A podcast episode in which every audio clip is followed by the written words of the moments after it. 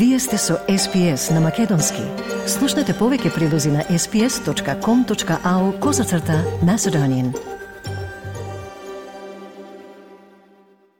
Вие сте со програмата на македонски јазик на SPS Audio со вас е Маргарита Василева. Продолжуваме со актуелности од Австралија.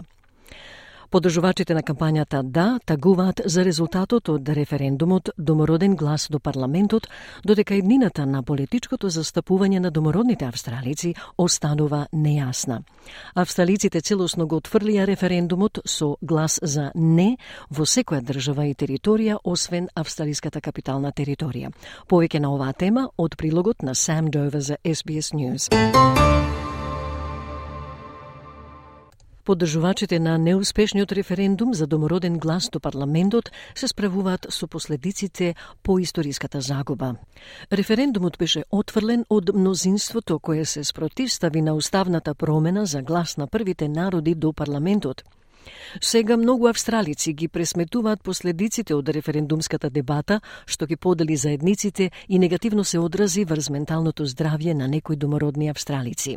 Еден сиднеец вели дека тоа бил исход што бил до некаде очекуван, но сепак бил разочарувачки, бидејќи верува дека тоа беше нешто што требаше да се признае да им се даде на абориджините повеќе глас во врска со нивното постоење. I'm feeling disappointed.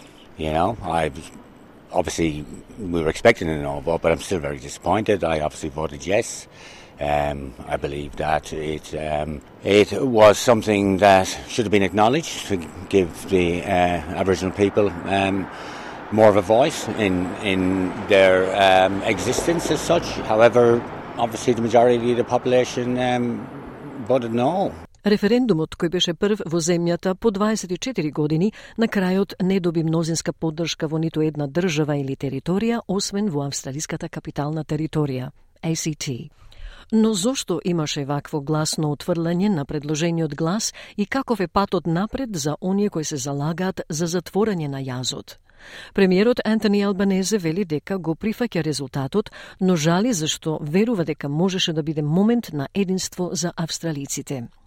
Тој тврди дека уште во април, кога коалицијата објави дека ќе се спротивстави на гласот, беше јасно дека патот напред ќе биде тежок.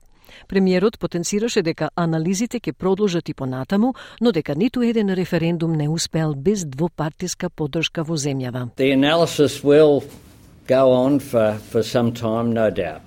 But the truth is that no referendum has succeeded without bipartisan support in this country.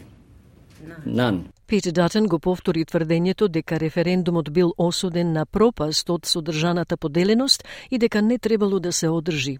Датен вели дека референдумот не беше успешен и дека тоа е добро за нашата земја, наведувајќи дека предлогот и процесот требало да бидат дизајнирани да ги обедини австралиците, а не да ги подели. Clear obviously that uh, the referendum has not been successful and I think that's good for our country. This is the referendum that Australia did not need to have. The proposal and the process should have been designed to unite Australians, not to divide us. And what we've seen tonight is Australians literally in their millions reject the Prime Minister's divisive referendum. Клучен фактор што активистите на кампањата да велат помогна да се промени гласањето е внесувањето на дезинформации во кампањата за не и тврдењата на некои од застапниците. Овие тврдења ја вклучуваат идејата дека успешен референдум би можел да резултира со тоа што австралиците би им платиле репарации на народите на првите нации, дека ќе создаде трета комора на парламентот и дека австралиската изборна комисија заговараше во корист на резултат во полза на кампањата Да. Активистот на Да, Томас Мејер, вели дека австралиската јавност била излажана и дека Питер Датен постапи нечесно према австралискиот народ. Господинот Мејер вели тој сака сите австралици да го видат тоа. Peter Dutton has been dishonest to the Australian people. He has lied to the Australian people. The No campaign, their lies were exhausting themselves in the last few days. And I really hope that, that when the analysis is done, that that is exposed for all Australians to see. Жестоката јавна дебата околу референдумот имаше негативни последици за домородните австралици, при што Националната здравствена организација, контролирана од заедницата на абориджините, NACCHO, извести дека имало значително зголемување на извештаите за расизам пред гласањето, како и штета на социјалната, емоционалната и менталната благосостојба на абориджините и жителите на островите на Торрес Стрейт. И сега домородните академици стравуваат дека резултатот од референдумот се заканува да ги стави целите наведени во изјавата на Улуру од срце во политичка неизвестност. Клучна петиција за домородните австралиски застапници, изјавата од 2017 година, расправаше за глас до парламентот, како и за она што е познато како Комисија за Макарата, која бара договор меѓу владата и народот на првите нации и кажување на вистината за проблематичната историја на Австралија. Домородниот академик и ко-архитект на предлогот за домороден глас Маша Лангтон за програмата The Point на NITV изјави дека го гледа резултатот не како смрт на напорите за помирување. Госпогицата Лангтон изјави, цитат, многу е јасно дека помирувањето е мртво. Мнозинството австралици рекоа не на поканата од домородна Австралија со минимален предлог да ни дадат основен збор за прашања кои влијаат на нашите животи. Мислам дека активистите на кампањата за не се одговорни за труењето на Австралија против овој предлог и против домородна Австралија. Затворен цитат изјави академикот Маша Лангтон. It's very clear that reconciliation is dead.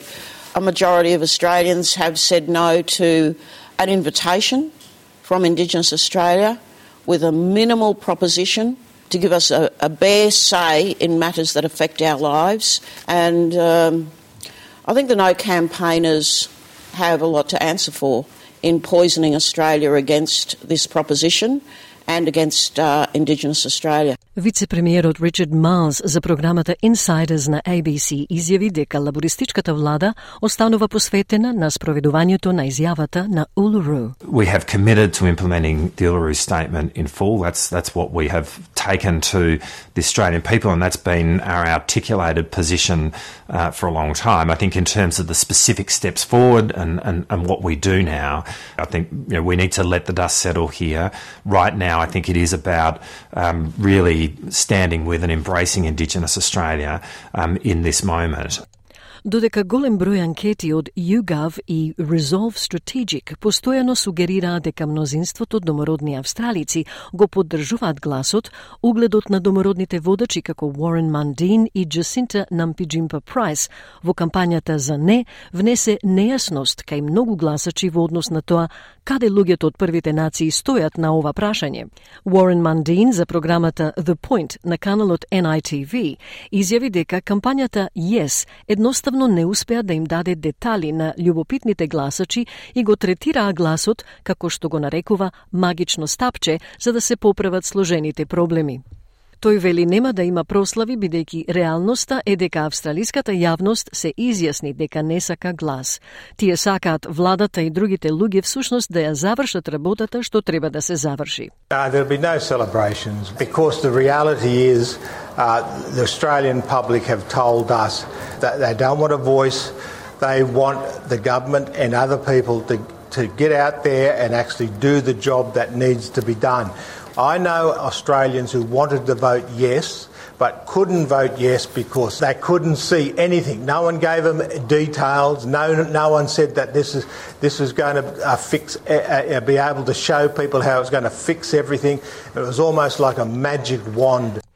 Иако исходот е разочарувачки резултат за поддржувачите на да, многу гласачи како овој жител на Дарвин се срекни што референдумот помина. Yeah, I'm, I'm glad it's over and done with and yeah, put our, you know, put the uh, what we thought in without being persuaded by other people and yeah, no, it's all done, over and done with now, I hope and everybody gets on well together и премиерот Антони Албанезе повика на единство.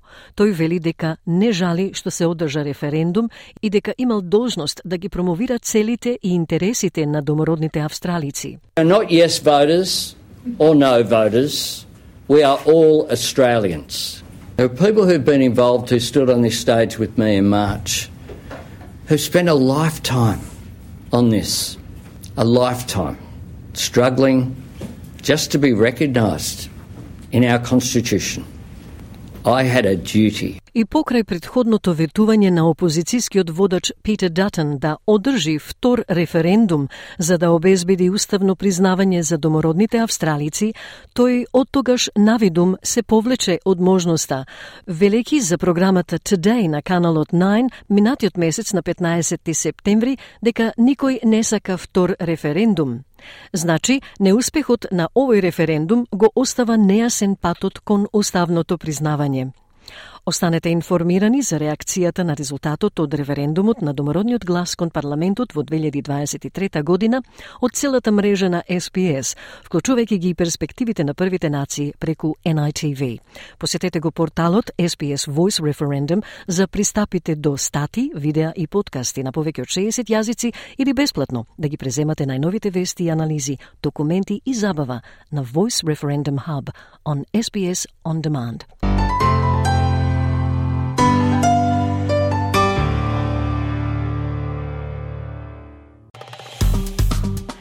Стиснете, ми се допаѓа, споделете, коментирајте.